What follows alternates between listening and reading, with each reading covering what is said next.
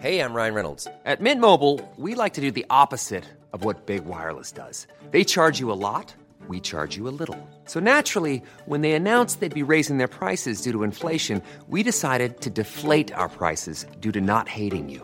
That's right. We're cutting the price of Mint Unlimited from $30 a month to just $15 a month. Give it a try at mintmobile.com slash switch. $45 upfront for three months plus taxes and fees. Promo rate for new customers for limited time. Unlimited more than 40 gigabytes per month. Slows. Full terms at mintmobile.com. Halo pendengar ganteng-ganteng Manchester United, balik lagi di GGM Podcast bersama kita berdua. Dan kali ini kita akan bahas satu match yang kasarnya jauh dari kata sempurna, tapi at least kita mendapatkan satu poin yang menurut gue tuh sangat penting karena Chelsea seperti kita tahu di puncak klasmen. Dan gue mulai dari pertanyaan, sebenarnya lu ngelihat formasi MU kemarin, apa yang menurut lu aneh dan apa yang akhirnya bisa kita petik dari pengambilan decision dari Carrick? Gue seneng ya ketika gue lihat formasi ternyata nggak ada Ronaldo di sana. Yang ada malah Bruno sebagai mungkin false nine atau sebagai uh, playmaker ya. Dan Sancho dan Rashford menjadi play forward. Gue suka gue suka dengan decision makingnya Carrick yang dia berani bahwa ya gue pelatihnya. Dan gue menyayangkan kenapa ya Ole musim ini agak terlalu bergantung sama Ronaldo? Dan ya seperti yang kita lihat di babak pertama terutama ketidakhadiran Ronaldo ini bisa dimanfaatkan dengan baik oleh Rashford dan Sancho dan Bruno untuk ngepres tiga backnya Chelsea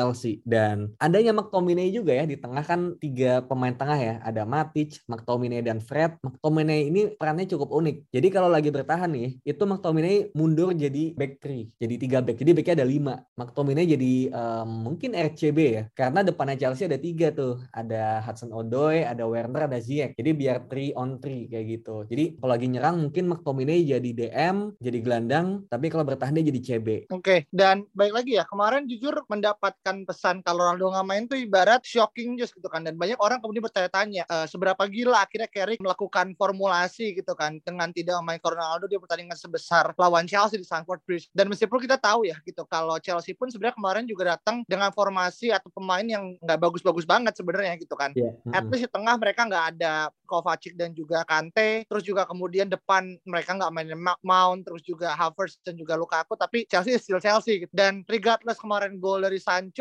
sebenarnya apa yang kemudian coba dikomunikasikan sama Carrick Vin? Apakah memang ini adalah sebuah pesan tersirat dari Ralf Ragnick ya? Karena sebelum kita tag ini kan sekitar tiga jam sebelumnya kan ada pengumuman ya yang menurut gua ini cukup bombastis kalau Ralf Ragnick akan menangani uh, MU tapi kita put aside dulu tapi apakah ada semacam kayak transisi menuju eranya di bawah Ragnick ketika kemarin Carrick memimpin ini Vin? Kalau dari berita sih banyak ya yang bilang kayak gitu bahwa kalau kita lihat Fletcher ya, Fletcher itu di di MU itu udah ada kayak kayak pakai headset gitu kan. Katanya tuh Rangnick dari jauh ngasih instruksi. nyambung tuh iya, mungkin aja. Menurut gue sih mungkin-mungkin aja. Tapi kayak pada akhirnya ternyata ya itu Fletcher komunikasi dengan tim analis di bangku penonton. Jadi udah dikonfirmasi bahwa itu bukan Ralf Rangnick yang koordinasi dengan Fletcher, tapi itu adalah tim analis. Dan pada akhirnya menurut gue ini nggak ada hubungannya sama Rangnick. Lebih kepada memang ini metode Carrick yang kalau misalnya kita pernah baca ya berita di beberapa hari lalu ketika berita pemecatan Ole mulai tersebar luas bahwa ternyata banyak ide-ide dari Michael Carrick ataupun Kieran McKenna yang diveto sama Ole. Jadi kayak mereka ini punya ide nih Carrick sama McKenna, tapi Ole nggak mau pakai itu. Ole tetap ingin menggunakan strategi dia kayak gitu sih. Jadi menurut gua mungkin di sini Michael Carrick dan McKenna akhirnya bisa membuat sesuatu yang dulu nggak bisa men karena ada Ole. Tapi sekarang kita bisa lebih adaptif. Contoh kayak lawan Villarreal, Bruno nggak main ya kan? Untuk pertama kali nggak nggak pertama kali sih, tapi pada akhirnya di sebuah pertandingan penting Bruno nggak main dan kemudian kemarin Chelsea Ronaldo yang nggak main dan formasinya kan nggak biasa. 4-3-3 flat, tiga gelandang tengah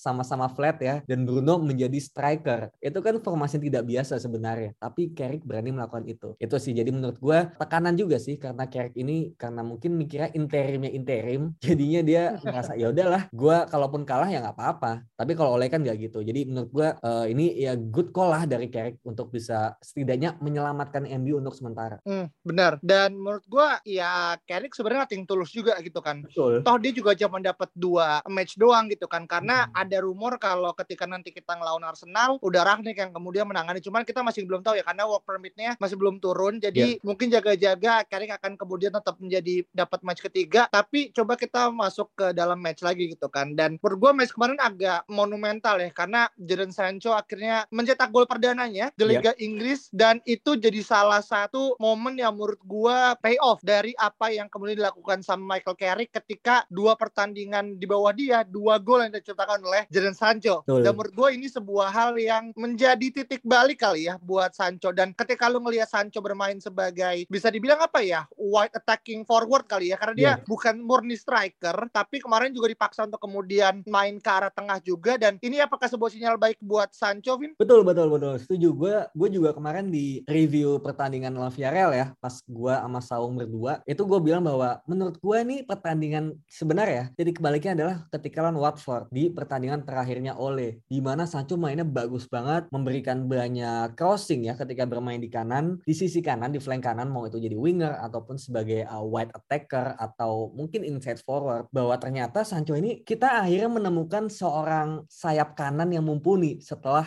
mungkin terakhir kali Luis Nani di tahun 2013 atau 14 dan inilah pada akhirnya terbayar 80 juta euro or pounds terbayar dengan penampilan ciamik dari Sancho yang kalau lu lihat golnya Sancho itu dia nipu si Mendy itu. Dia kan kayak mau ngoper kan ke Rashford ke Hmm. kiri kayak mau square pass. Tapi ternyata dia shoot ke bawah kanan yang kalau kita lihat dari kamera angle itu dari belakang ya dari Mendy itu Mendy udah gerak ke kanan itu. Tapi ternyata Sancho nendang ke arah yang berlawanan dari situ. Tuh menurut gua menunjukkan betapa Jerman ini dan juga Borussia Dortmund sudah berhasil membuat Sancho menjadi salah satu pemain muda terbaik ya di dunia pada saat ini. Yang mana kalau kita kembali menyambung-nyambungkan dengan Ralf Rangnick di tahun 2020, beliau mengatakan bahwa Sancho ini adalah salah satu the greatest talent yang dia ingin melatihnya gitu. Dan sekarang ternyata kejadian duo Sancho dan Rangnick sangat kita tunggu untuk melawan Arsenal.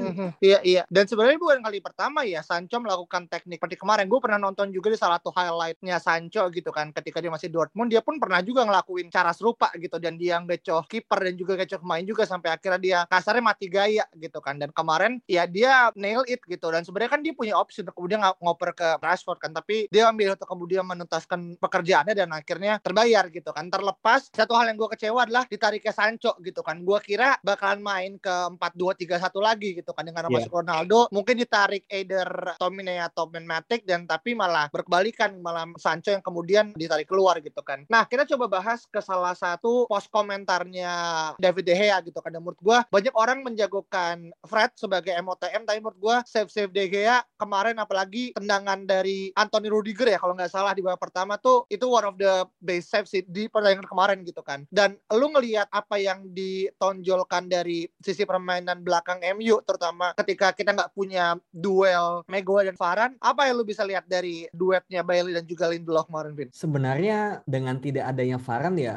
adalah sebuah kelemahan ya untuk MU sendiri bahwa Varane ini adalah pemain yang paling tenang kalau bisa kita lihat ya dalam beberapa match terakhir dia bermain di MU dengan segudang pengalamannya dengan dia juga sudah meraih banyak trofi juga ya di Real Madrid. Cuma pada akhirnya satu hal yang pasti ternyata Lindelof dan Bailey ini juga bisa untuk diandalkan dan kelihatan banget gitu pertahanan MU itu rapi kemarin. Bahkan Alex Teles pun gue merasa ini adalah salah satu pertandingan terbaik Alex Teles berbaju MU. Karena selain ini sebenarnya Teles tuh mainnya jauh di bawah ini gitu standarnya, performanya menurut gue. Yang mana pada akhirnya gue mendapatkan sebuah hipotesis bahwa jangan-jangan memang ya dulu Ole dan coaching staffnya tidak memberikan sebuah instruksi khusus kepada para pemain yang harus main kayak gimana. Dan ketika kayak gitu, banyak pemain yang sebenarnya mereka tuh lebih cocok bermain dalam sebuah sistem yang jelas. Gue harus ngapain, gerakan gue harus ke mana, pergerakan gue harus ke dalam atau keluar, kemudian opsi passingnya gimana gitu. Jadi ketika pemain itu dibiarkan berimprovisasi sendiri, mungkin pemain-pemain itu ya seperti kayak Teles, bingung sendiri, gimana ya, gue mesti ke mana gitu. Dan kemarin kita lihat Teles solid man, karena Teles ini adalah pemain yang lebih kepada attacking fullback kan, dibandingkan defensive fullback kayak uh, Wan Bisaka. Tapi ternyata dia bisa kok bertahan untuk level dia menurut gue beberapa match terakhir gitu, penampilan dia terakhir sebagai starter ya, kalau kita hitung dari musim lalu juga ini salah satu yang terbaik menurut gua gitu sih. Hmm. Jadi memang kemungkinan juga ada faktor di mana pemain sudah throwing the manager under the bus sih dulu gitu ya kemarin-kemarin udah nggak mau bermain untuk Ole. Ole literally udah kehilangan tempatnya dan dignity-nya di ruang ganti. Makanya performa seperti lawan City, lawan Watford, melawan Liverpool ya itu udah tidak terelakkan lagi. Dan lawan Chelsea ternyata solid man. Jadi kayak ini tuh bukan masalah pemainnya sebenarnya, tapi masalah pelatih yang udah kehilangan trust dari pemainnya. Itu sih menurut gua. Oke, meskipun ya Vin ini gue lihat dari data total shoot count-nya Chelsea lawan MU itu 24 banding 3 sebenarnya.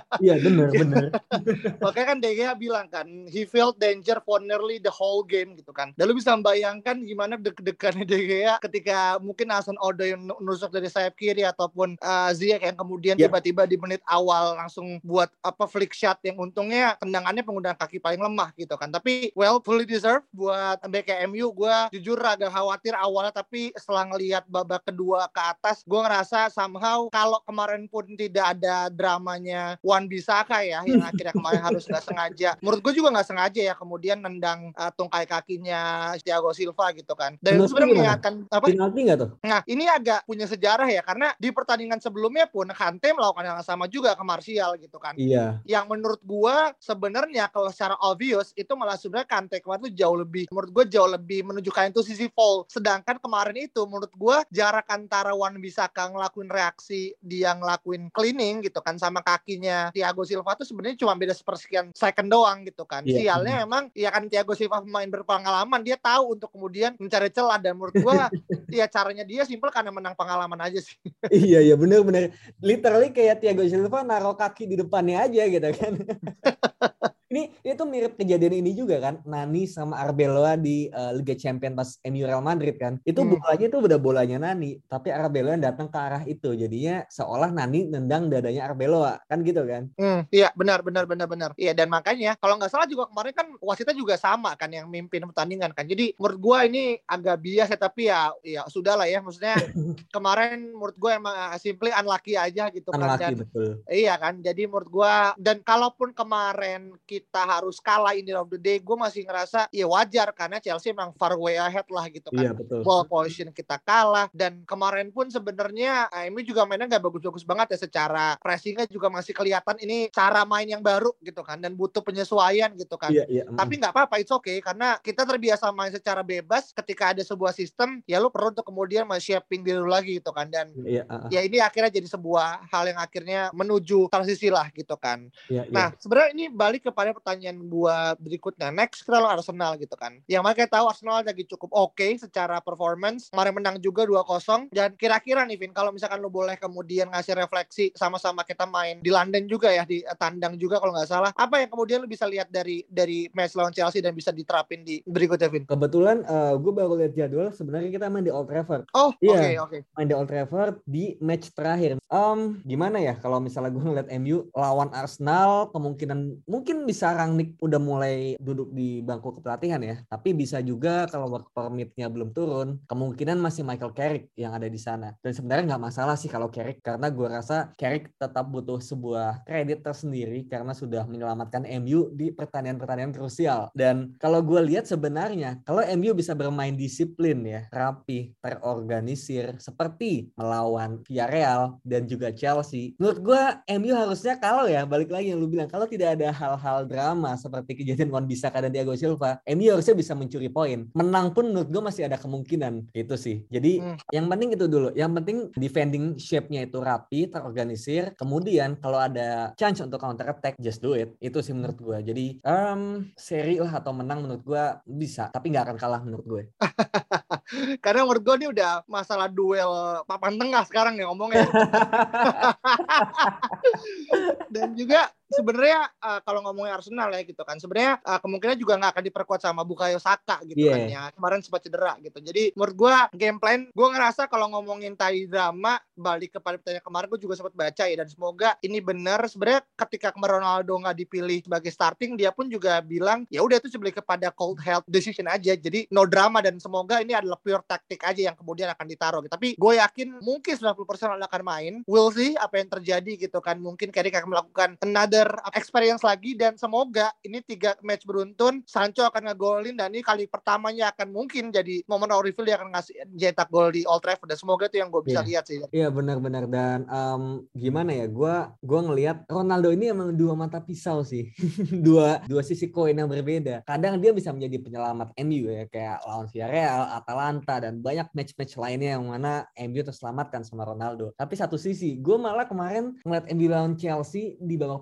pertama dan awal-awal babak kedua itu enak banget liatnya. Pressingnya tuh lebih terstruktur. Kemudian untuk build up juga enak. Kayaknya emang untuk match-match besar itu selama pelatihnya masih belum segitu pinternya ya untuk menggunakan Ronaldo ketika mode bertahan, kayaknya emang better Ronaldo tuh jangan dimainin dulu gitu loh. Bahkan sebagai sub juga jangan gitu loh. Karena apa ya? Sebenarnya lu pasang Ronaldo kan untuk cetak gol. Sedangkan kemarin ketika kita melawan Chelsea dan kita udah 1-0, kita udah nggak butuh gol lagi di situ. Kita malah butuh bertahan secara unit, bertahan secara maksudnya lebih kepada pressing dan juga menutup jalur-jalur passing dan ya itu menurut gue dan ada datanya kan bahwa Ronaldo adalah pemain yang mungkin bisa dibilang paling jarang untuk melakukan pressing gitu. Jadinya gue sebenarnya merasa bahwa karena Arsenal mainnya juga terbuka dan juga build up dari belakang, gue harap sebenarnya kayak lawan Chelsea aja, Sancho dan Rashford dan juga mungkin Bruno Fernandes gitu untuk menjadi pemain di depan lagi sebagai goal getter kayak gitu sih. Meskipun sebenarnya gue nggak yakin sama itu dan lebih yakin Ronaldo bakal bermain sih. Tapi ya let's see lah, gue percaya sama Carrick lah karena ini last gue gue sama lebih yakin masih Carrick sih yang bakal menemani MU sih di duck out. duck Iya, iya, iya. I see. Dan juga sebenarnya kalau ngomongin head to headnya Arsenal sama MU, terutama yang di kandang ya, kita masih unggul jauh sebenarnya 81 wins ketimbang Arsenal yang cuma 65 gitu kan. Tapi balik lagi zaman berubah gitu kan. Dan menurut gua tendensi besok tuh lebih kepada Carrick lawan Arteta gitu. Karena menurut gua itu dua pelatih yang yang satu interimnya interim, yang satu lagi kemudian digadang-gadang sebagai the next Pep Guardiola yang akhirnya sekarang lagi sama-sama seangkatan juga gitu kan. Dan iya. juga apa namanya Guardiola tinggal uh, lebih lebih sukses mana akhirnya meramu sebuah strategi gitu kan. Nah mungkin kalau terkait dengan result nih Vin, apa yang lu bisa kemudian coba berikan secara apa ya gambaran siapa yang akan lebih diuntungkan dari keadaan sekarang Vin? Kalau diuntungkan sebenarnya dua-duanya sih menurut gua. Menurut gua bakal menjadi sebuah pertandingan yang sangat fair karena satu sisi Arsenal juga lagi bagus. Tapi kalau Arsenal melawan tim besar itu masih agak keteteran kayak eh, kemarin lawan City terus baru-baru ini juga melawan Liverpool itu masih belum teruji ketika lawan tim besar. Jadi menurut gua pertandingan lawan MU ini terutama mereka harus away ke Old Trafford itu sebuah ujian tersendiri untuk Arsenal untuk membuktikan bahwa pemain-pemain mudanya ini seperti Lokonga, Tavares, Ben White, Ramsdale itu eh, dan Smith Rowe juga ya. Itu eh, kita lihat seberapa kuat mental mereka bermain di bawah tekanan. Dan kalau untuk MU sendiri jelas ini juga adalah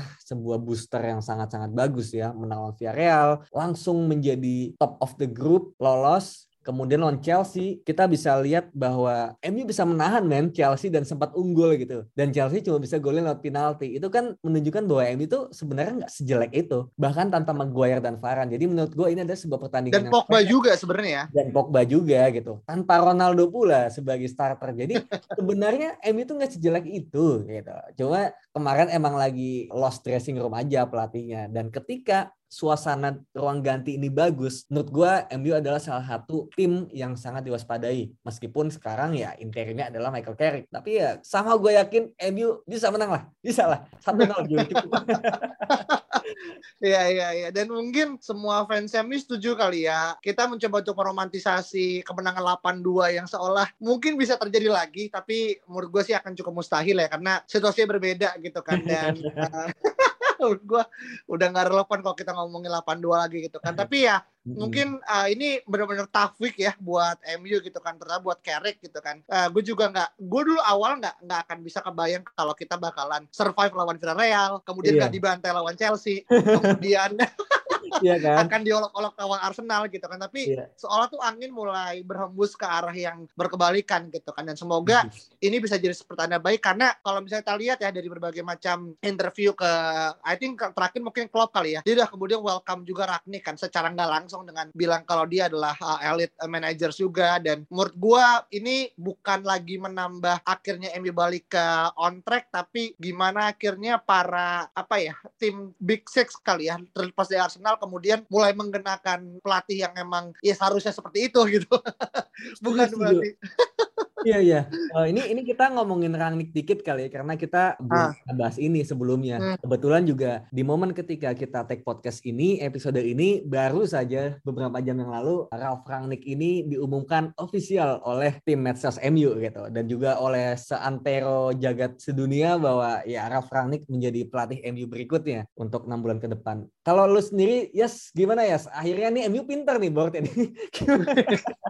Gak bodoh lagi. gue gue tadi baca kalau nggak salah John Murto kalau nggak salah ya uh, Iya. buat sebuah uh, dia berkomentar di salah satu media televisi di Inggris. Memang ya Rahnik itu udah udah salah satu yang dikonsiderasi lah gitu kan. Dia tuh terkuat gitu kan. Uh, karena berkaitan dengan track record dia gitu kan. Berkaitan dengan hal-hal yang kemudian terutama juga availability ya gitu kan. Menurut gue kan ini salah satu poin yang tidak dimiliki oleh beberapa pelatih yang kita incar juga. Let's say Iya. uh, Pochen ataupun let's say Ten Hag gitu kan. Itu kan ter- terbatas karena adanya waktu yang tidak tepat. Dan Rahnik adalah orang yang kemudian dirasa dari segala bentuk spek kalau ngomongin HP nih eh, dia yang paling oke nih dengan kondisi sekarang budgetnya time allocation uh, cara pandang dan segala macam gitu kan. Tapi balik lagi menurut gua sisinya lebih kepada tergantung bagaimana kemudian apakah Rahnik bisa benar-benar melakukan revolusi di MU atau enggak gitu kan. Dan gue berharap ketika nanti di bursa transfer musim dingin at least dia diberikan kesempatan untuk memperbaiki ya mendatangkan satu pemain lah gitu kan. Karena menurut gua dengan squad yang ada dan kita tetap bertahan pada hype Ragnik akan kemudian menjadi mesayah buat buat uh, Old Trafford menurut gua akan terlalu ketinggian gitu karena ya dengan kita squad saat ini ya meskipun squadnya mungkin dibilang Ferrari tapi supir tukang angkot ketika dulu menurut gua sekarang mungkin squadnya Ferrari yang ngedrive adalah orang McLaren gitu kan jadi menurut gua udah inilah udah apa udah udah selevel lah tinggal Iya, iya. ah, iya mungkin part-part kecil atau mungkin bannya yang perlu perlu diganti karena eh, jalannya lebih terjal lagi kayak gitu sih Vin kalau gue Vin kalau Iya. gimana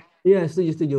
Gue merasa sebenarnya tugas Rangnick tidak akan semudah itu sih. Tidak akan semudah yang orang pikirkan. Karena balik lagi, kalau kita melihat eh, histori ya, yang dilakukan Rangnick adalah membangun tim. Membangun tim dengan berisikan pemain-pemain muda yang mereka masih bisa bermain dengan ala pressing yang eh, gegen pressing ya. Kan dia adalah godfather of gegen pressing kan. iya Dan pemain muda ini kan identik dengan stamina yang tinggi, endurance yang tinggi. Sedangkan kalau kita lihat tim kita gitu, kebanyakan mungkin ya kita masih gabungan kan. Kita adalah kombinasi antara pemain muda, pemain yang sedang dalam peak performance-nya, dan juga pemain yang sudah berumur kayak Cavani, Ronaldo, De Gea, ya kan, Maguire. Jadi menurut gua mungkin agak susah bagi Rangnick untuk benar-benar menanamkan filosofi bermainnya seperti yang dia lakukan di RB Leipzig dan juga Hoffenheim. Dan di sini menurut gua adalah poin penting di mana apakah bisa Rangnick ini beradaptasi dengan skuad MU yang ada. Karena MU ini sudah terbiasa bermain tanpa sebuah sistem yang benar-benar jelas. Dan gua khawatir ini akan terjadi Van Gaal 2.0